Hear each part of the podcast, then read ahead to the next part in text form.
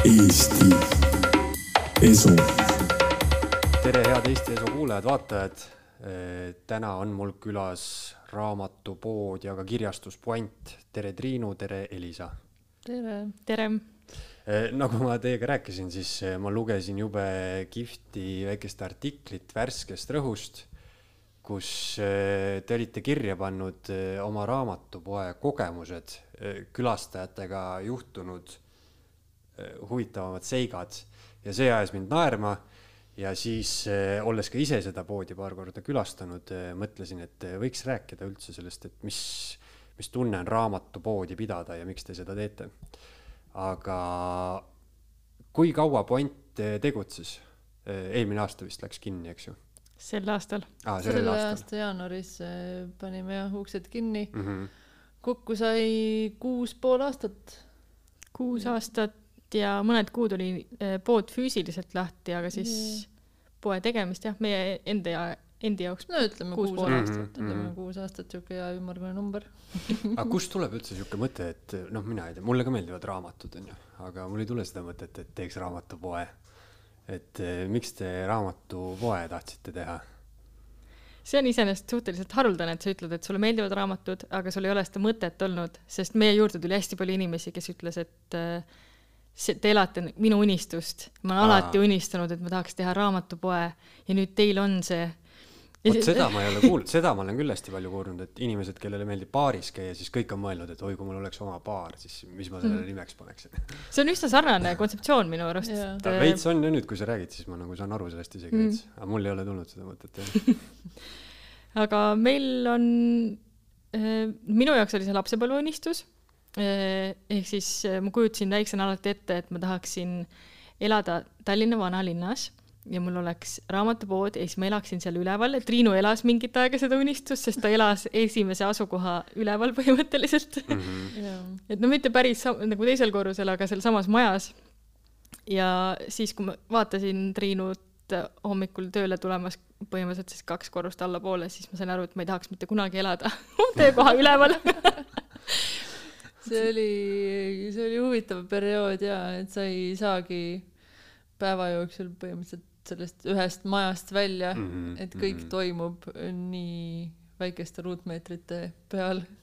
see meenutab oli... seda, mis Black Books on see Briti sari Mhm, onju. jaa, lemmik. nüüd mul tuli see just meelde, mõtlesin, et sealt võtsite inspiratsiooni kindlasti.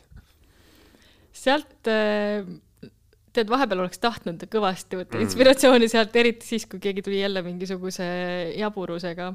et nagu sa ütlesid, et sa lugesid seda Värske Rõhu päevikut, siis eh, kui Värske Rõhk tegi meile ettepaneku hakata, neile avaldada siis mingisugune päevik, nad ei öelnud, mis vormis nad seda tahavad, siis ma mingi aja hoidsin meil poes eh, nagu kramplikult sellist faili, kus ma kirjutasin, et täna käis kolm inimest. Mhm. no umbes selline, aga siis ma sain aru, et meil on tegelikult Triinuga see fail olemas mm, Mhm. -hmm. mida me alustasime lihtsalt päris, päris, päris alguses päris jah, alguses jaa.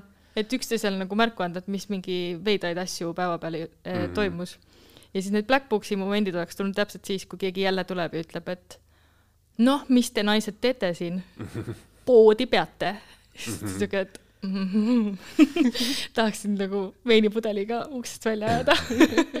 aga inimestel oli siis kuidagi, lugedes ka seda, et, et eriti vist selle, selle esimese asukohaga siis, kuhu mina ei sattunudki, aga et, et kuidagi nagu kõik sisseastujad nagu väga ei tahtnud uskuda, et, et teil ongi nüüd siin raamatupood või, või mis siin toimub. nii oli jaa, et eh, eriti käis see pinda keskealistele meestele vist või vanematele härradele, et mm. -hmm. kuidas kaks noort naist saavad üldse midagi kirjandusest teada. See ei mahtunud neile pähe ja veel vähem vist, et eh, tegelete ettevõtlusega. ja need kaks asja koos, see kuidagi üldse ei, ei tundu normaalne ju. ahah, okei okay., siis oli nagu seotud see, et, et te olete naised ja peate raamatupoodi, ma ise nagu lugedes, ma umbes mõtlesin, et et need härrad või, või need inimesed on just sellised raamatuvõõramad inimesed, kes on harjunud, et raamatupood on no see kaubanduskeskuse tohutu suur raamatumaailm, mingi Rahvaraamatud ja Apollod on ju, et sa lähed ja sul on seal, ma ei tea, kohvikud ja lauamängud ja, ja noh, kõik see möll ja siis sa satud kuhugi raamatupoodi elu, elu sees pole näiteks antikvariaadis käinud onju ja siis sa ei tunne ära, et mis asi see on, et miks siin raamatud on või mm., aga siis oli pigem nagu vastupidi. mitte ainult, et selles suhtes oli ka neid inimesi, kellel raamatud meeldivad, aga neile äh, ei mahtunud võib-olla ka pähe see, et miks nagu peaks sellisel kujul tegema üldse mm. -hmm. Äh, ja see kontseptsioon võib-olla Eestis äh, oli tol ajal võõras, et, et väike raamatupood, iseseisev raamatupood kettidest eraldi sest tegelikult ju kõikjal mujal Euroopas on see, on see standard, et eh, nii-öelda igaüks peab oma raamatupoodi mm, -hmm. et neid on nii palju erinevaid, aga meil on siin kuidagi risti vastupidi see, see lugu.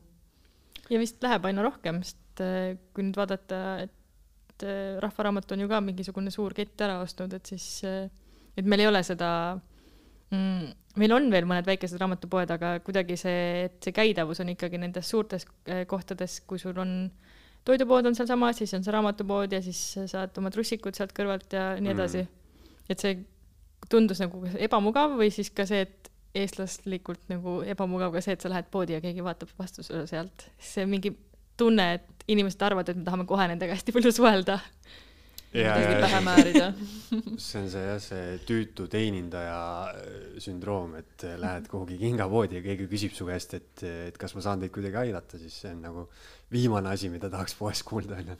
lase mul mm. üksi kuskil riiulite vahel äh, möllata. aga milliseid tagasisidesid või, või milliseid reaktsioone nagu lisaks sellele oli siis veel, et inimesed ei uskunud, et et eh, sealt lugedes oli ikka päris, päris kummalisi juhtumeid teil. kummalisi juhtumeid jagus, aga võib-olla need eh, sellised nii-öelda negatiivse alatooniga jutud või lookesed said sinna kirja, aga põhiline oli ikkagi väga positiivne. et et eh, toetajaid oli meil eh, ikkagi palju ja oli neid inimesi tõesti ka, kes olid jess, lõpuks ometi on meil üks normaalne pood mm. -hmm. et eh, neid jagus ka, need olid meie toredad püsikliendid ja kellest said ka meie sõbrad ja keda oli alati tore poes näha. aga kuidas, kui raamatupood, et tuleb mõte, et ma teeme nüüd raamatupoe, siis kust te nii palju raamatuid üldse saate? Lihtsalt äh, mingi hetk siis nagu ostsite kokku raamatuid ja hakkasite müüma või kust see nagu esmane valik äh, tuli? sinna läheb äh, palju eeltööd. Eestis on enamasti see, et sa võtad igalt kirjastuselt eraldi, nii et sa suhtledki iga kirjastuse esindajaga eraldi.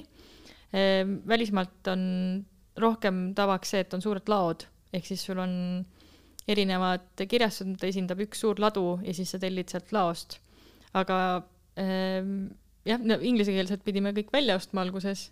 Ja kui sa veel alustad, siis ega keegi sulle arvet umbes kolmekümne, kuuekümne, üheksakümne päeva peale ei tee, et vaid see, et sa oled kahtlane väike äri kuskil mm. kaugel, nii et äh, pleki kohe ja siis mm., siis me saadame raamatuid ja siis sa maksad mingi raha ja ootad, et kuskilt tulevad mingid kastid. Mis on esimestel kordadel päris hirmus. Oli jah, aga Eestis on õnneks see tava ja et äh, sa saad realisatsiooni peale raamatud, ehk siis kui oled ära müünud, siis äh, maksad kirjastusele mm. -hmm. et äh, jah, meil tuli lihtsalt teha see eelvalik, et mida me enda poes näha tahame.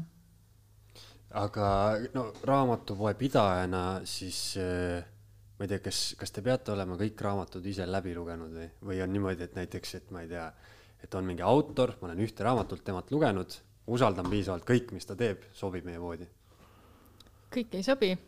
eks ikkagi samamoodi tuleb raamat välja või see, kui sa autorit tunned, see on äh, päris hea stardipositsioon, sest siis sa juba vaatad, et mis ta, nüüd sa tead ühte raamatut, kahte raamatut, sa vaatad, mida ta edasi teeb, loed arvustusi, loed mingisuguseid äh, näidiseid, katkendeid.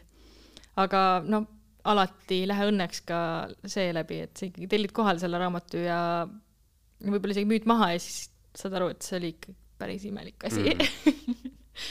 ja ma mõtlen, et ilmselt on, see on ka vist päris hea võte, et sa leiad eh, mingi arvustaja, kes nagu enam-vähem sinu mm. maitsega siis ühtib, onju, ja noh yeah., loed, arvustusi on nagu veits ajaliselt kergem läbi lugeda kui raamatuid on mm. ja väga palju soovitusi ikkagi tuleb mm. ka, et kui eh, Triinu soovitab mulle raamatut, siis ma võin üheksakümmend protsenti kindel olla, et see meeldib mulle ja üks kümme protsenti on võib-olla nagu alati ei meeldi, aga mm. üllatus ikka ja samamoodi sõpradega, et kui sa usaldad raamatu maitset, siis äh, sealt tuleb kulda mm.. aga kuidas teil, kuidas te nagu üldse sellele lähenesite, et kas oli, kas teil oli selline hästi subjektiivne, et meile, me tahame müüa raamatuid, mis meile meeldivad või te üritasite pakkuda ikkagi mingisugust spektrit või, või? ikkagi läks sinnapoole, et peab meile endale meeldima või et äh, see kriteerium oli, et meil, et äh, kui mul oleks kodus raamaturiiul, siis kas see sobib sinna või ei sobi, et, et kas ma tahan seda enda kodu raamaturiiulis näha või mitte. Äh, selle järgi, see oli nii-öelda meie see mm -hmm. näidik. sest et meil olid ka mingid asjad sees, mille pealt me arvasime, et see on tuntud autor, võib-olla nagu mitte päris meie tassike teed, et okei okay,, võtame ja siis ma mäletan seda mingit õnnetut Paulo Coelho raamatut, mis minu arust neli aastat oli riiuli nurgas täiesti ära tolmanud, kuni keegi ütles, et ma olen täpselt seda otsinud, siis sa ütlesid mingi mm. palun võta, ma põhimõtteliselt maksan sul peale, vii ära see raamat. Ja neid lug-, neid kordi oli küll ja veel minu meelest, kui me mõtlesime, et okei okay,, laiendaks oma valikut, et mõtleme enda mingitest asjadest väljapoole natukene, katsetame aga siis see lõppes ikkagi sellega, et see jah, see raamat oli kuskil seal ja kedagi see ei huvitanud, olgugi et see on Rahva Raamatu top üks, siis meie juures seda ei tahetud, sest ikkagi meie juures käisid inimesed, kellele meeldis meie maitse ja kes olid nii-öelda meiega samal lainel mm. -hmm. et siis klient läks ka ikkagi nagu teie nägu põhimõtteliselt lõpuks, et ma mõtlengi, et mingisugune a la ma ei tea, plaadifirma on ju, kes tahab teha mingisugust ekstra ägedat underground mussi tahab välja lasta, on ju. et selle jaoks, et a la elus olla, siis ta ikka vahepeal laseb mingisuguse jõhkra hiti välja või noh, raamatupoega nagu võiks mõelda, et loogiliselt on enam-vähem sama case on ju, et mm, -hmm. et võtate sisse mm -hmm. mingisugust asja, mis on nagu üüberpopulaarne, mis nagunii ostetakse, on ju et, et lihtsalt siis selle, selle arvelt saada pakkuda mingisugust haruldasemat valikut või, või sihukest, mis sealt Rahvaraamatu topist näiteks ei leia, on ju jah, nagu Triinu ütles, me katsetasime, aga neid lihtsalt ei tahetud meie juurest. ja ma mäletan, et üks klient solvus selle peale, et meil oli, meil oli see, mis see Harry Potteri see kuldne erivälja, see, mis selle nimi oli, ma isegi ei mäleta, mingi laps midagi. ja üks meesterahvas tuli poodi, ütles, et vaatas, sul on nagu see, see ja siis see Harry Potter ja ta oli nagu, teist ta luges nagu niimoodi kolm korda järjest erinevaid asju, mis meil on ja Harry Potteri, et täiesti nagu pettunud -hmm. et meie oleme laskunud sinna, et me müüme seda, mida kõik need teised praegu ostavad. -hmm. et selles suhtes Harry Potteri see algne seitse raamatut oli neid, et see algne seitse raamatut mulle väga meeldis, aga et, et siis see oli näidendi vormis minu arust see asi, mis tuli hiljem lisaks. võib-olla oli küll jah. no oligi sihuke raha tegemise yeah. asi natuke mm. -hmm. aga ma ei oleks arvanud, et keegi võib seda võtta nii isiklikult. jah ja eks no. need äh, populaarsed autorid tegelikult meil on, olid ka, aga nad olid lihtsalt äh, näiteks no, Murakami raamatud sa võtad sisse, nad müüvad mm -hmm. alati. et see on yeah. võib-olla siis see vaste sellele populaarsele raamatule, mille mm -hmm. arvelt müüa natukene veidramaid asju no selles mõttes, et ega kõik eh, populaarne, kõik, mis on top üks, ei ole tingimata mingisugune halb või, või kuidagi pealiskaudne on ju, et, et paljud asjad on ikkagi ka põhjendatult mm -hmm. meeldivad paljudele on ju. -hmm. aga eh, seda ma lugesin sealt artiklist ka, et, et üsna palju tuli ikkagi selliseid näljaseid, külmetavaid kunstnikke, kes tulid teie juurde, olid kuskilt oma raamatu välja andnud ja tahtsid seda teie riiulitel näha ja ma mäletan, et mina olen ka ühe raamatu välja andnud ja isegi mina kunagi kirjutasin teile, vastust ma muidugi ei saanud vist, aga, ja siis ma ei elanud veel Tallinnas, aga siis ikkagi ma tulin Tallinnasse ja käisin teie poes ja nägin, et minu raamat oli seal lettidel, aga see oli vist eh, Kiva kaudu, Paranoia kirjastuse kaudu. Mm.. et eh, ühe raamatu ma kunagi välja andsin ja siis mul oli küll hea tunne, et ma nägin seda seal teie lettidel aga see oligi vist tema kaudu siis kuidagi. jah, paranoia kirjastuse kaudu siis. ja, ja. aga me üldiselt ikka vastame, nii et ma ei tea, kuidas see vastamata jäi, anna andeks. aga noh, vähemalt ta jõudis sinna kuidagi. aga et jah, et eh, kui palju nagu selliseid inimesi tuli, kes siis eh, tahtsid nii-öelda platvormi? väga palju. Neid oli väga palju ja eh, huvitav oli ka see, et need inimesed ma veits üldistan, see ei käi kõigi kohta, aga nad polnud meie poes kunagi käinud, nad ei teadnud, millega me põhimõtteliselt tegelesime, nad mõtlesid, et oh, raamatupood, raamat, same same, onju, et äh, tulid täiesti meie kontseptsiooniga mitte ühilduvate asjadega ja ütlesid, et "Oh, see sobib nii hästi siia mm. -hmm. mõtlesin, aga kas sa oled meie riiulite peale nagu vaadanud või sooviksid äkki tiiru siin teha, natuke tutvuda ja siis uuesti nagu tulla oma raamatut pakkuma, et kas sa siis veel pakud või? Mhm. aga jah, kuidagi selline, võib-olla nad ei mõtle jah selle peale, et mõtled raamatupood on raamatupood, mis seal ikka kõik on äh, mingi sama. jah, ma kujutan ette, et võib-olla lähenetakse ka sellele, selle loogika äh, järgi, et, et see üks näide, mis teil seal kirjas oli, et ma ei mäleta, mingisugune härra pakkus mingisugust raamatut ja seal oli kirjas, et et ta oli seda pakkunud ka Rahvaraamatusse, kes oli selle vastu võtnud, aga see Rahvaraamat, noh, seal on hästi palju raamatuid mm, Mhm. on ju, et eh, seal oli kirjas, et ta oli kuhugi selle riiulite vahele ära peitnud, on ju. et siis võib-olla selle loogikaga läheneb inimene teile, et teil on vähem raamatuid ja see sobib siia ülihästi sellepärast, et mida vähem raamatuid, seda rohkem nagu üks raamat saab tähelepanu ikkagi, on ju. jaa, tõenäoliselt see, see see point oli. -hmm. et ja siis nagu jah, et seda on, iseenesest on jah muidugi veider, et, et kui teil on nagu üsna sihuke spetsiifilise maitsega raamatupood on ju, et siis sa lähed, pakud, ma ei tea, noh, suhkrut soolapoodi või midagi sellist on ju. aga noh, ma mõtlengi, et kui palju sellised need tagasisided nagu, kui palju need, mis seal kirjas olid, olid võib-olla siuksed naljakad ja mõni ka negatiivsem on ju. et, et mis see nagu suhe oli, et ma kujutan ette, et ikkagi ma ei tea, sajast inimesest üks äkki oli negatiivne või midagi sellist. seal või oli päevad siuke olid nii erinevad. tander nagu mingi võitlus, et kes nüüd sisse astub, kunagi ei tea. ei, mulle tundub, et eh, kui nagu keegi juba tuli ja hakkas eh, jaurama, siis see päev nagu kuidagi läks selles nagu joones, et tuli neid jaurajaid nagu rohkem mm. või kuidagi tajusid seda, võib-olla ise olid nagu rohkem ärritunud selle peale. ja siis mõni päev lihtsalt selline tunne, et kõik armastavad raamatuid ja kõik armastavad meid ja elu on nii ilus mm. ja me teeme seda poodi sada aastat et see näiteks, kui esimesed koroonapiirangud ära läksid, see esimene päev ma olin ise tööl ja see oli nii lahe päev, kõik inimesed tulid ja olid lihtsalt nii õnnelikud, et nad saavad seal olla. lihtsalt eh, püsiklient tuleb sisse, seisab keset tuba ja ütleb, ah, ma natuke lihtsalt seisan siin.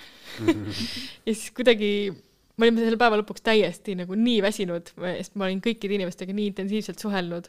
Aga ma olin nii õnnelik ise ka, sest kuidagi see nakkas nagu vastupidi ka kuidas klient või ütleme, teie poes käiv klient, et eh, kuidas ta tuli raamatupoodi, kas, kas ta tuli üldse niimoodi, nagu ta läheb eh, suurde kaubanduskeskuse raamatupoodi või ta tuli otse teie juurde ja ütles, et nii, mida te soovitate? oli, ma arvan, kõiksugu inimesi, et neid, kes lihtsalt Telliskivis äh, ringi käisid, vaatasid seal äh, ka teistesse poodidesse, astusid meie juurest läbi, siis kindlasti väga paljud tulid konkreetse eesmärgiga, nii, ma lähen panti, ma tahan sealt raamatut äh,, võib-olla tuli kindla sooviga ja siis oli ka neid, kes lihtsalt olid, tulid raamatupoodi ütlesid, oh, mul on tunne, et täna võiks mingi raamatu osta, äkki tahad mulle soovitada midagi Mm -hmm. et neid äh, ja neid oli erinevaid variante, et kuidas, kuidas meieni jõuti. kui, kui palju te, või no ma mõtlen, et teil olid seal, toimusid ka erinevad üritused, on ju. et eh, ma ei tea, kui oluline või kui, kui suur osa on üldse sellel, et näiteks kutsuda see kirjanik enda raamatupoodi, kelle raamat on parasjagu riiulil. et kas, kas inimesed tulevad, ma ei tea, tahavad temaga kohtuda, näiteks mingi loevad raamatu läbi, et neil on küsimusi või, või on see kasulik selles mõttes, et kirjanik tuleb ja tutvustab nii-öelda promob oma raamatut veits, et, et kui oluline osa sellel on raamatupoe pidamisel ta on lisandväärtusena ikkagi väga oluline mm. -hmm. aga äh, kuidagi oli, ma ei tea, minul oli lõpuotsas see tunne, et inimesed olid väsinud samadest kontseptsioonidest, et nad tahtsid mm -hmm. nagu midagi värskemat. et see, et sul on lihtsalt raamatuesitlus ja vestlus, et see ei olnud enam nagu piisav. et kuidagi, et miks see on, miks sa üldse kodust välja tuled. et seal peab olema mingi, noh, selles suhtes et on raamatu esitlus on ideaalne võimalus aru saada, kas tahad seda raamatut lugeda või mitte, aga ta on alati promoüritus ka. Et sa ei ütle, et mul tuli jube siit raamat välja, et palun ärge lugege. No aga see, me hakkasime ise ka katsetama siin vist isegi rohkem, kui me poe kinni panime, et kuidas teha esitlusi, et teha mingi lugemine ja muusika, mingi selline, et ta oleks äh, performatiivsem, et mingit, mingit nagu ekstra kikki sisse anda sellele asjale ma mõtlen jah, et see tavaline, ma olen ka käinud sellistel äh, raamatuesitlustel, mis on hästi ühtse kontseptsiooniga, et natuke kirjanikuga räägitakse, on mingi juht, on ju, siis on kerge muusikapala ja siis ta loeb midagi ette ja siis on äh, vein, on ju. et Mhm. äh, ja sellistesse raamatu, sellistele raamatuesitlustele minu arust koguneb tihtipeale, eriti võib-olla sellistes suuremates poodides mingi teatav seltskond mingeid mammisid, kes lihtsalt käivad seal sellepärast, neil vahet ei ole, mis raamatut seal esitletakse, onju. et siis ta tekib nagu sihuke mingisugune stampesitlus ja lõpuks on niimoodi, et kui sa ütled kellelegi, et ma ei tea, teeks raamatu esitluse või läheks raamatu esitlusele, siis see on nii igav asi, et noh, ei tahagi sinna minna, onju. et seda peaks jah võib-olla, ma ei tea, mingi hoopis mingi muu kiiksu alt eh, sinna lähenema, et ja kui mina lähen raamatu esitlusele, siis ma väga nagu ei taha kuulda, et kirjanik mingi valuliselt loeb ette mingisugune kakskümmend kaheksa minutit oma romaani ühte peatükki, onju. et noh, milleks, et ma lähen koju, loen ise seda, onju. et jah, aga miks siis pood kinni läks lõpuks? mis juhtus? sest nagu praegu, meie praeguse jutu järgi tundub, et nagu suht ikkagi edukas oli ja kõik läks hästi ja olite spetsialiseerunud ja olid püsikunded ja aga neid pisikundasid jäi natuke väheks mm. -hmm. eks ikka majanduslikud põhjused, et äh, tõenäoliselt me ise ka väsisime ära, sellepärast et me ei saanud oma ideid ja mingeid visioone ellu viia, kuna lihtsalt ei olnud piisavalt raha. Ja see väsitas kogu aeg, et sa pead igat senti lugema ja seda senti veel kolmeks lööma ja nii edasi. jah, ega seal, ega seal muud põhjust ei olegi mm. -hmm. väga lihtne jah, see, see on nii uskumatu, et siin äh, mul on ka erinevaid kirjanikke käinud siin saates ja siis äh, vist Tõnu Õnnepaluga rääkisime tema mingisugusest raamatust ja siis ma ütlesin talle, et ma just käisin seda poes ostmas. Maksin selle eest, ma ei tea, mingi kakskümmend euri või midagi sellist, onju. ja siis, siis ma küsisin Tõnu käest, et mis need protsendid on, onju tavaliselt ja siis tuli välja, et vist äh, Tõnu sai sellest mingi kaks viiskümmend või midagi sellist, onju et, et see raamatu väike hinnake tundub, et see nagu jagatakse nii paljude osade vahel ära, et, et kirjanik tahab saada sealt, poed tahavad saada, ma ei tea, raamatupoe pidaja, noh, et kui palju sealt alles siis jääb, onju. Jah, kirjastus äh, tahab enda või noh, ikkagi äh, jah, kõik tahavad oma osa saada, aga seega, et äh, meie üritasime läheneda kuidagi inimlikumalt sellele, mõtlesime, et oleme nii head raamatupoepidajad, ei pane nii palju seda protsenti sinna otsa ja aga siis lõpuks see võib-olla lõi meil endale noa selga ka. jah, no samas ma saan ka kirjastustest aru, et kui su raamatuid müüakse väikeses äh, koguses, et siis sa ei tahagi anda seda nii soodsalt võib-olla kui äh, suurele poele onju. aga samas oleks võinud jälle olla selline kuidagi ühtsem ja toetavam see keskkond, et kui sa kirjastusena näed, et, et noh, et on äh, nii-öelda üks või kaks väikest raamatupoodi siin Eesti peale, et siis võiks ka neid toetada kuidagimoodi. ma ei tea jah, see on sihuke nii ja naapidi, et kuidas, kuidas see õige oleks olnud, ei tea. jah, seal oli mingi seisukoht ka, et raamatupoed äh, siis koorivad nagu kogu selle kasumi, saavad hästi rikkaks ja siis kui keegi tuli mulle seda juttu rääkima, siis ma lihtsalt ütlesin, ma ei tea, ma ei saa, ma saan alla miinimumi palka endale maksta, millest sa räägid, palun Mm -hmm. et lihtsalt see entusiasm mingi hetk äh, lahtub ära, sest sul tuleb nagu olme peale mm. Mhm. lihtsalt see Mhm. mis sööb maagia enam-vähem ma mõtlen jah, et see on ilmselt ka see, et, et noh, teil ei ole niimoodi, et vaatate, et oh-oh, et vist peame varsti kinni panema, et davai, tõstame raamatute hindu, onju. et mm -hmm. see on nagu pikaajalisem protsess, et see ongi võib-olla nagu sa, Triinu, ütlesid, et, et sinna peab nagu lähenema juba mingi kolm aastat varem selle ideega, et okei okay,, et ikkagi küsime rohkem ja siis võib-olla onju pikas perspektiivis see töötab. aga mm., aga jah, muidugi see on, see on nagu kurb, et, et jube noh, nagu rikastab seda kirjandusmaastikku nagunii see, kui ikkagi ka mingisugune luulekogu, mida trükitakse kakssada tükki, võiks olla nagu kuskil müügis enam-vähem nii, et see luuletaja ka nagu elus püsib, onju. lisaks siis mm. -hmm. väiksele raamatupoele ja, ja kõigele, kes seal osalised on selles protsessis. Mhm. aga mis, teil on, te ka kirjastate raamatuid. see, seda business'it ei ole veel kinni pannud. veel ei ole, aga see kõlab nagu hingitseb. ja tegelikult see on ka selline entuka pealt toimiv mm., et äh, see ei ole koht ka, kus me, kus me nii-öelda ropult teeniksime Mhm, me li- tahame anda välja raamatuid, milles me näeme potentsiaali, kus, mis me näe-, milles me näeme sellist äh, kirjandusmaastikku rikastavat. ja, see, et see, ise- sa ei saa ise- mitte jätta eh, välja andmata. ja ise usume nendesse autoritesse ja raamatutesse. ma arvan, et see on vist meie jaoks hetkel piisav põhjus, mhm. et sellega tegeleda. aga teile võib siis näiteks äh, kirjanik, kes on raamatu valmis kirjutanud, võib teile saata oma käsikirja ja ja kui teile meeldib, siis äkki läheb õnneks ja äkki läheb õnneks jah mm. -hmm. kuigi mul praegu on äh, juba mingi aasta, aasta jagu plaane tehtud. Et kui kellelgi väga kiire ei ole mm. -hmm. siis, siis võib, siis võib saata. Mhm. jah, sellega on see, et kui, kui see ei ole su põhitöö, siis sa teed seda mm,, et sa ei saa ennast kinni enna-, parkida põhimõtteliselt kalendriga, et mm. -hmm. praegu meil, kui kõlab nagu, et meil on aasta jagu plaane tehtud, siis see ei tähenda, et meil tuleb nagu hästi palju raamatuid välja, vaid me võtame iga raamatu jaoks siis nagu ikkagi aega. jah, Et, seda me teeme jah, kõikide teiste kõrvalt. Kõrvalt jah. Mhm. aga kuidas, kui palju te ise raamatuid loete, et äh, ma ei tea, tundub, et ma ei tea, kirjastaja, raamatupood, et selle jaoks on vaja ikkagi tohutult raamatuid lugeda ja see ongi selline noh, ma kujutan ette, et raamatupoes on see ikkagi nagu see lugemisosa on enam-vähem nagu täiskohaga töö. Ma ei tea, kas ta tööks just kunagi on saanud, raamatute lugemine ikkagi, ikkagi enda naudingu jaoks.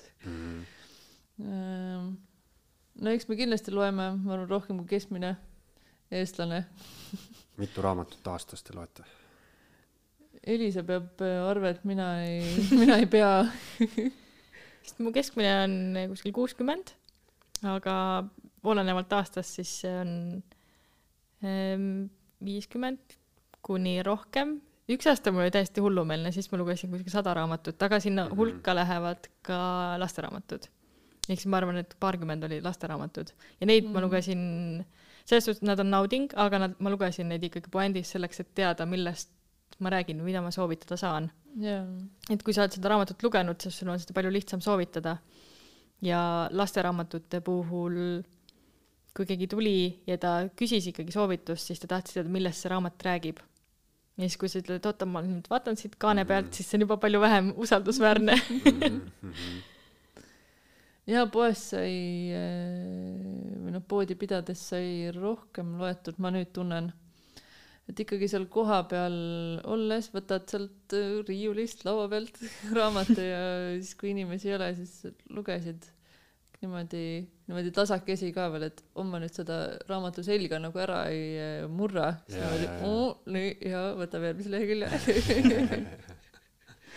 aga eh, mis te selles mõttes näiteks sotsiaalmeedias te tegutsete edasi, et kas see ongi puhtalt siis eh, kirjastuse tarbeks?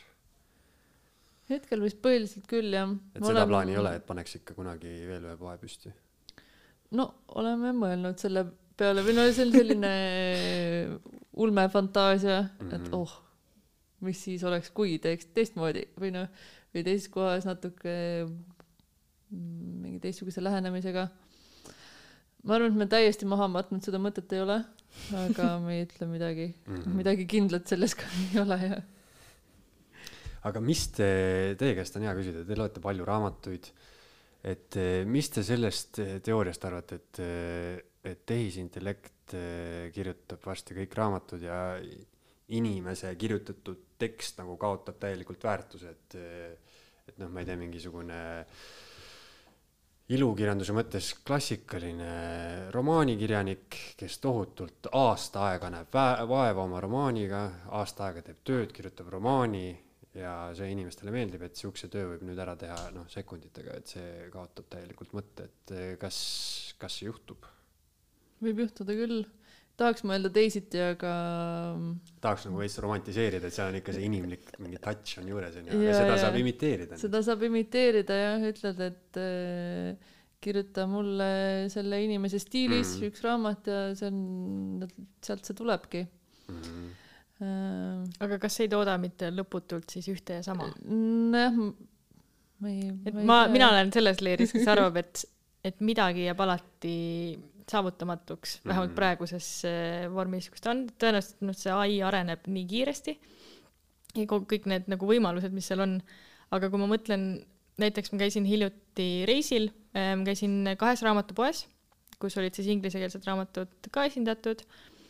Ja ma ei ostnud mitte ühtegi raamatut, mis on suhteliselt haruldane, sest ma ostan alati reisil olles muidu raamatuid, aga kuna see valik oli nii igav, et see, et ma saan seda ühte ja sama raamatut igas riigis, täpselt sedasama inglisekeelset bestsellerit, et selles suhtes minu arust seda bestsellerit äh, mitte kõiki, ma ei taha kõigile liiga teha, aga neid paljusid võib-olla tõesti saab tehisintellekt teha, aga just see, kus ma saan selle mingi ivakese, mis torgib mingit äh, väga ähm, ebamugavat ja vajalikku kohta, et mul on tunne, et seda veel ei saa tehisintellektiga saavutada. ja mingid Mhm. neid, ma ei tea, need sarjadena, mis antakse välja, neid ajaviiteromaane, nii-öelda öökapi neid lihtsaid raamatuid, ma arvan, neid võib, anna aga minna, vajuta nuppu ja neid võib tulla päevas miljon tükki on ju välja Mhm, lasta. aga just sellist eriti kvaliteetset raamatut, see, mis saab äh, klassikaks, me ei, jah, seal ma julgen nat- natuke kahelda mm. -hmm. No veel vist on jah selline olukord, et, et päris seda, ma siin äh, arutasin selle tehisintellektiga eesti keele tuleviku üle EKI direktoriga. ja no siis ta ütles, et noh, tippudelt see ei võta tööd ära, onju, et mm. -hmm. et umbes samamoodi on siis võib-olla kirjutamise kirjanike maastik, maastikul aga ja siis võib-olla tekibki see, et kui on see struktuuri järgi kirjutatud krimka võib väga kergesti panna see chat GPT kirja onju -hmm. aga siis äh, lähebki hinda või noh, see, see käsitöö põhimõte on ju, et siis läheb hinda nagu viga, et, et kui sa kirjutad romaani, kus on mingisugune noh, ma ei tea, stiil on veits konarlik või, või on mingisugune mõte nagu päris täpselt nagu kuidagi mingi mõtteviga on kerge sees, et, et see lähebki hinda võib-olla. Aga kas see mingis mõttes ka praegu ei ole hinnas, et see No on, no mingisugune see vimka on sees, mis teeb mm. -hmm. sellest stiilist just äh, selle inimese stiili. et ja see see isikupära on ikkagi oluline Mhm. no inimestegi puhul, et sulle meeldivad inimesed, kes väljendavad iseennast, mitte ei taha olla kellegi teise koopia. onju, et see käib, käib kõige kohta jah, jah. jah, see muidugi luuletamisega see tehisintellekt veel hakkama ei saanud, et tolle saate katsetuseks ma üritasin lasta tal teha mingisugune Liidia Koidula stiilis luuletusi, aga no siis pani täiesti võssa, et, et see luule tundub nagu ekstra peen mingisugune mõtteharjutus, mida ta veel nagu ära ei taba, onju. võib-olla see ongi tulevikužanr jah, jah, luule.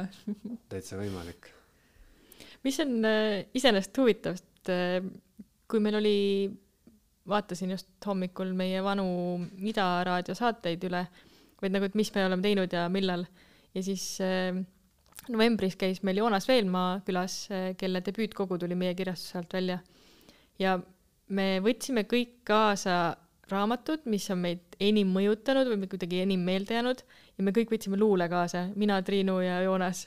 ehk siis eh, Joonas ütles seda väga hästi, et luule on Eesti kirjanduse mõjuisik. Mhm. ehk siis see, kuhu sa nüüd jõudsid sellega, et luulega ei saa hakkama, siis tundub, et luule Jah, lihtsalt ongi jah. mingi nagu see kõi-, kõige nagu lõpp, lõpubossi.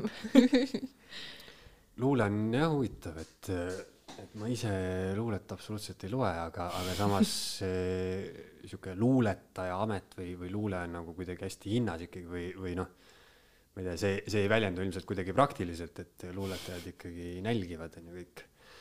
Aga selle kohta ütles mu äh, sugulane, kirjanik Mehis Einsaar, et õige luuletaja peabki nälgima, et kannatusest ikkagi tuleb see, see õige asi, et sa ei saa jah. aga kas, kui sa ütled, et sa luulet äh, ei loe, aga kui palju sa muusikat kuulad? iga päev, noh jah, räppi kuulan iga päev. räpp, puhas luule mm. -hmm, ja sa tarbid tegelikult väga palju luulet, lihtsalt võib-olla siis teisel kujul jah, tõsi ta on mm.. Aga kui palju näiteks te ise, kui te valisite poodi raamatuid, siis eh, kas selles mõttes eh, valisite ka, et meil võiks ikkagi mingi luulesektsioon ka olla? meil täitsa oli luulesektsioon olemas ja ehm, jällegi sinna maandusid, sinna riiulisse maandusid need asjad, mis meile endale meeldisid. luulega on hästi keeruline see, et eh, selles žanris minu meelest eh, tuleb väga tugevalt välja, et milline maitse sul on ja mm, me oleme, me oleme, tundus, et me oleme luule osas kriitilisemad võib-olla kui teiste raamatute osas. või kuidas sulle tundub? jah, sest kui sa oled luules banaalne, siis noh, jah, ei. see kuidagi see, kuna ta on nii kontsentreeritud, siis see paistab kohe välja. Et see kuidagi, kui sa nii lühidalt äh, tahad midagi öelda või noh, võib-olla kõik luuletused ei pea olema väga lühikesed, aga lihtsalt see, kui sul ei ole mingit sisu sellel asjal taga või see on lihtsalt nagu nii ära leierdatud, siis ta, teda on valus lugeda. ma ei tea. see jah, see valus lugeda on ja sest et eh, tihti on nii, et kui, kui sa oled oma esimese luulekogu äh, valmis saanud või kuidagi, kui sa ei ole enne mitte ku- kusagil avaldanud oma luulet, ei ole mingit tagasisidet saanud või lihtsalt kirjutanud, siis on väga suur tõenäosus, et see on halb. et äh, tõ- tõesti need, kui sul on äh, esimene raamat, esimesed luuletused, mida sa kirjutad, siis need on kõik väga-väga sarnased, ülisarnased. sul on äh, tuul puhub, mina kõnnin oh,, blablabla onju. et sihuke, et see, see kõik läks nii ühte auku, nii ühte auku lihtsalt ja see jah, see oli valus. ja kõik need luuletused eh, meenutavad eh, seda, seda stseeni sealt American Beauty'st, kus see tüüp filmib seda kilekotti lihtsalt nagu mis lendab. aga, aga luulega on tõesti see, et, et minu arust kõige, no see on, ongi niivõrd subjektiivne, et eh, näiteks noh, minul on nagu raske aru saada vahepeal kui inimene ütleb, et see on hea luuletus või, või see on halb luule või mm -hmm. noh, eriti jah, kui nad on sellised väga abstraktsed mingid asjad. aga, aga see valus lugeda, see on võib-olla mingi hästi sihuke abstraktne mingi mõõdupuu ikkagi, et mm -hmm. sa võid ju kirjutada seda luulet mitte millestki, aga kuidagi sa oskad need sõnad nagu niimoodi ritta panna, et seda on nagu no lihtsalt on hea, onju. Mhm. ja lõppkokkuvõttes on tegelikult hea raamat see raamat, mis sulle meeldib, Mm. et noh, luulega on sama, aga Jaa. ja võib-olla me Meie- ka räägime siis niimoodi, oh, see on nii halb, appi, ärge näidake mulle, aga keegi teine võtab selle ja see on ta lemmik.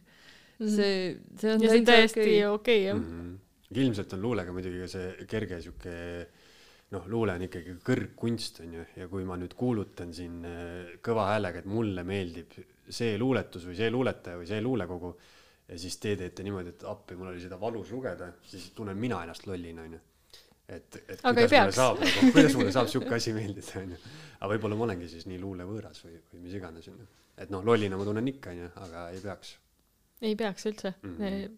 ma arvan, et äh, see ei, see ei ütle lõppkokkuvõttes ju sinu kohta nagu äh, paik- või nagu lõpuni midagi, et sulle mingi üks asi meeldib, mis mulle ei meeldi näiteks või Triinule ei meeldi mm. -hmm. selles suhtes meil Triinuga ikkagi omavahel on ka neid arutelusid, kus ma ütlen, et mingi asi on nagu õudne ja ma ei taha seda kunagi meie poes näha, sest Triinu on siuke, no ma ei tea, minu arust oli okei okay. ja vastupidi ka, et see mm., nii see käib. mm. -hmm.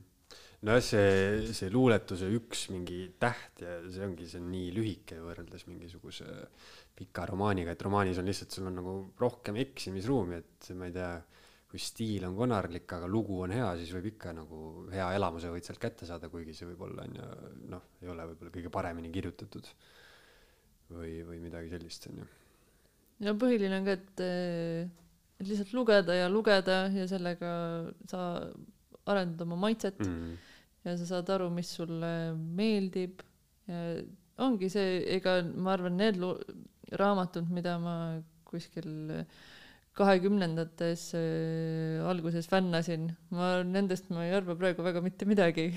või noh, et, et see on käidud tee ja need jäid sinna, nendel oli väga oluline koht äh, sellel nii-öelda raamatuteekonnal äh,. noh, pole mõtet midagi häbeneda lihtsalt äh, sellepärast, et keegi teine kuskil on nii-öelda jutumärkides targem või et äh, see on, sa ütledki, et see on see on minu tee ja minu rada ja teen, teen, mis tahan, loen, mis tahan, onju. Mhm. aga mis on need raamatud, mis on siis teid kõige rohkem mõjutanud? ma ei küsi, et mis on lemmikraamat, aga Ähm, nojah, kahekümnendate alguses ma väga fännasin Murakamit, Elisa ka äh, fännas onju. ja ma enam vist ei viitsiks neid lugeda. ma lugesin just hiljuti tema seda uut novellikogu, millest ilmub äh, arvustus Sirbis äh,, kus ma ütlesin, et see on nii tüütu raamat. on lühikokkuvõte sellest arvustusest. et selles suhtes on äh, jah, Murakamil on äh, hetki, aga mingi hetk, need hetked korduvad nii tugevalt, et lihtsalt tüütab ära. Mhm. aga samas nagu kahekümnendates me mõlemad ju arvasime, et jess. mm. -hmm. noh, see, ta stiil või see tema maailm avas mingid uued uksed, et tal oli nagu realismi ja müstika selline segu, mida ma polnud varem eh, lugenud. et see oli selline uus asi minu jaoks ja siis ma mingi uhuhu. aga on sul Aga- midagi, mis praegu on püsima jäänud nagu selline mm, jess lugemiselamus? lugemiselamus mm,. pean mõtlema natuke. sest mina, ma mäletan väga selgelt, kui ma lugesin esimest korda Ene Mihkelsoni luulet ja see kuidagi see tekkis see hetk, et äh, ma ei olnud mitte kunagi midagi sellist lugenud. ma ei saa äh, lõpuni aru, mida ta alati ütleb, mis on okei okay, ja kuidagi see, et sa hakkad seda muukima ja tal on täpselt see kontsentreeritud sõna seal äh, luuletustes sees, mis äh, pani mind ahetama nagu iga kahe lehe tagant. ja siiamaani ma võtan mingi kogu, isegi mida ma olen lugenud, kuigi noh, luulet ei saa ära lugeda. et võtad selle kogu uuesti ette ja jälle mõtled, et no kuidas kirjutas ikka mm. tõesti super. vist kaasaegsetest on mul Patti Smithiga samasugune mingisugune mm. äh, elamus, et mind alati tabab uuesti see, et nii saab ka kirjutada. et see, et sa ütled midagi väga lihtsat oma päeva kohta, aga Patti Smith ütleb seda nii, et sa viitsid seda lugeda. mm. et ma arvan, et ma ise ei oska nii, aga iga kord, kui ma loen teda, siis ma panen tähele, et ma hakkan imiteerima tema kirjutamisviisi, kui ma kirjutan enda mingeid märkmeid. et kuidagi see muutub, see nagu heas mõttes muudab minu viisi. Mm. jaa. Ma loen praegu elu esimest Murakami raamatut. ma loodan, mitte seda novellikogu. see on küll üks novellikogu. ma ei mäleta nüüd praegu, mis selle pealkiri on, aga selle ühe loo järgi, kus eh, üks näitleja palkab selle naisautojuhi selle järgi on tehtud see film mm. -hmm. mida ma nägin. väga hea film. jah, see on äh, Mehed ilma naisteta. jah, ja täpselt, täpselt ja ma loen elu, elus esimest korda inglise keeles eh, ilukirjandust, mul on terve elu Mm. noh, olnud kuidagi sihuke, ma ei ütle, et mingi põhimõte, aga ma lihtsalt olen kogu aeg valinud ainult eesti keeles lugeda. Mm -hmm. väga haruldane, ma arvan. Mm -hmm. vist on tõesti jah, et eh, ma ei tea, ma olen kuidagi, ma ei ole nagu tohutult sellele mõelnud, aga ma olen nii suur eesti keele fänn, et eh, ma vist kuidagi lihtsalt olen kuidagi, ma ei tea. Aga ma küsin teie käest ka, et eh, mis, minul on näiteks see, et ma absoluutselt ei loe on ju mingit populaarkirjandust öö, või sellist populaarteaduslikku kirjandust või, või mingisuguseid mm. -hmm. tarku raamatuid nii-öelda. võib-olla peaks seda rohkem tegema, ma ei tea, mingisugust mis iganes onju asja lugema, aga ma loen ja olen terve elu lugenud ainult ilukirjandust ja need on põhimõtteliselt muinasjutud onju, välja mõeldud kamarajura. et eh, mis kasu on eh, teie arvates ilukirjanduse lugemisest? seda on no,, ma olen ka mõelnud sellele, raske on täpselt mm. öelda onju, aga mis see teie arvates võiks olla? oma kogemuste pagasi rikastamine, mul on empaatiavõime arendamine, oma keele arendamine äh,, me, ja meelelahutus kasvõi lihtsalt, et ma ei tea, kui praktilist äh, nii-öelda väljundit sellele lugemisele vaja on. see on minu arust väga hea, et sa ütlesid selle, et äh, kas lugemisel peab olema praktiline väärtus, et alati ei pea, et selles suhtes on äh, paljud, äh, just öeldakse seda, et inimesed ei loe, ütlevad, et nad ei loe ilukirjandust sellepärast, et nad tahavad, et nende aeg oleks siis justkui nagu praktilise väärtusega sisustatud mm, -hmm. et sa loed just populaarteaduslikkust, sa saad midagi uut teada või siis, et sul on, et, et sa tuled teises otsas nagu targemana välja. aga just ilukirjandus annab mm selle võimaluse mitte otsida sealt mingit praktilist väärtust, mis tõenäoliselt lõpuks tuleb, nagu seesama empaatiavõime arendamine, keele arendamine. ja needsamad inimesed, kes ütlevad, et ilukirjandus eh, ei ole praktiline, võivad lasta Netflixis onju mitu tundi järjest mingit suvasarja. et see, et see on nagu okei okay,, aga siis lugemine teisest küljest jälle ei ole, sest et see on vist kuidagi keerulisem tegevus ja siis tundub, et, et peaks ikka midagi saama sealt mm. -hmm jah, see on, see hästi tüüpiline vabandus, et miks mitte ilukirjandust lugeda, onju. ja noh, ma olengi mõelnud, et mis nagu praktiline väärtus sellel on. ja see tõesti ilmselt äh, nagu raske öelda, aga see igatahes avaldub pika aja peale. Ja, ja eriti on ju, kui sa väikse tatikana hakkad lugema, siis sa kuidagi ma ütleks, et õpid mõtlema, kui sa, kui sa loed, on ju, hästi palju raamatuid, et lihtsalt mm, -hmm. aga see võib-olla selgub alles kahekümne aasta pärast, on ju. -hmm. et yeah., et mis vahe on nagu sellel, kes, kes luges näiteks ainult tehnilist kirjandust, on ju, või siis versus ilukirjandust, et eh, muidu tundub jah jabur, et, et mis ma nagu sellest Harry Potterist loen, et see on ju täiesti mõttetu. Teate, kõik lõppude lõpuks ikkagi põhineb eh, ju meie päris elul, et eh, see võib olla küll täielik fiktsioon, aga need tegelaste vahelised suhted on võetud ikkagi päris maailmast mm. -hmm. et mhm. jah, midagi võib toimuda kuskil kosmoses või maa all kakssada aastat tagasi, kakssada aastat tulevikus, siis need suhted seal on, need, see omavaheline läbimine ja need probleemid, mida lahendatakse, see, see kõik on väga inimlik kõik ja sealt saab igaüks õppida nojah, see on selles mõttes on õige, et kui ma loen, on ju mingisugust teaduslikku psühholoogia raamatut, Äh, aastast kolmsada aastat tagasi, siis see on ilmselt äh, võrreldes tänapäevase psühholoogia raamatuga on ju hoopis teistsugune. aga kui mm -hmm. ma mhm. loen mingit klassikalist, mingit ilukirjandusasja on ju, siis noh, räägitakse, et see nagu alati on ju kõnetab ükskõik mis, mis ajastus sa oled või sihuke, et äh, jah, jah, mingi kasu tast on, ütleme niimoodi lugege raamatuid aga lõpetuseks ma küsin teilt eh, siis mõne hiljutise raamatu soovituse. mida võiks lugeda? ma arvan, täna on meil juba teemaks olnud see, eh, kui me käisime Ida Raadio saates, aga ma ikkagi soovitaks lugeda King Kongi teooriat. Virgin de Padi raamat, see on selline mm, feministlik raju öö, lajatamine võib-olla, aga see on väga äh, huvitav ja selline värskendav äh, lugemine.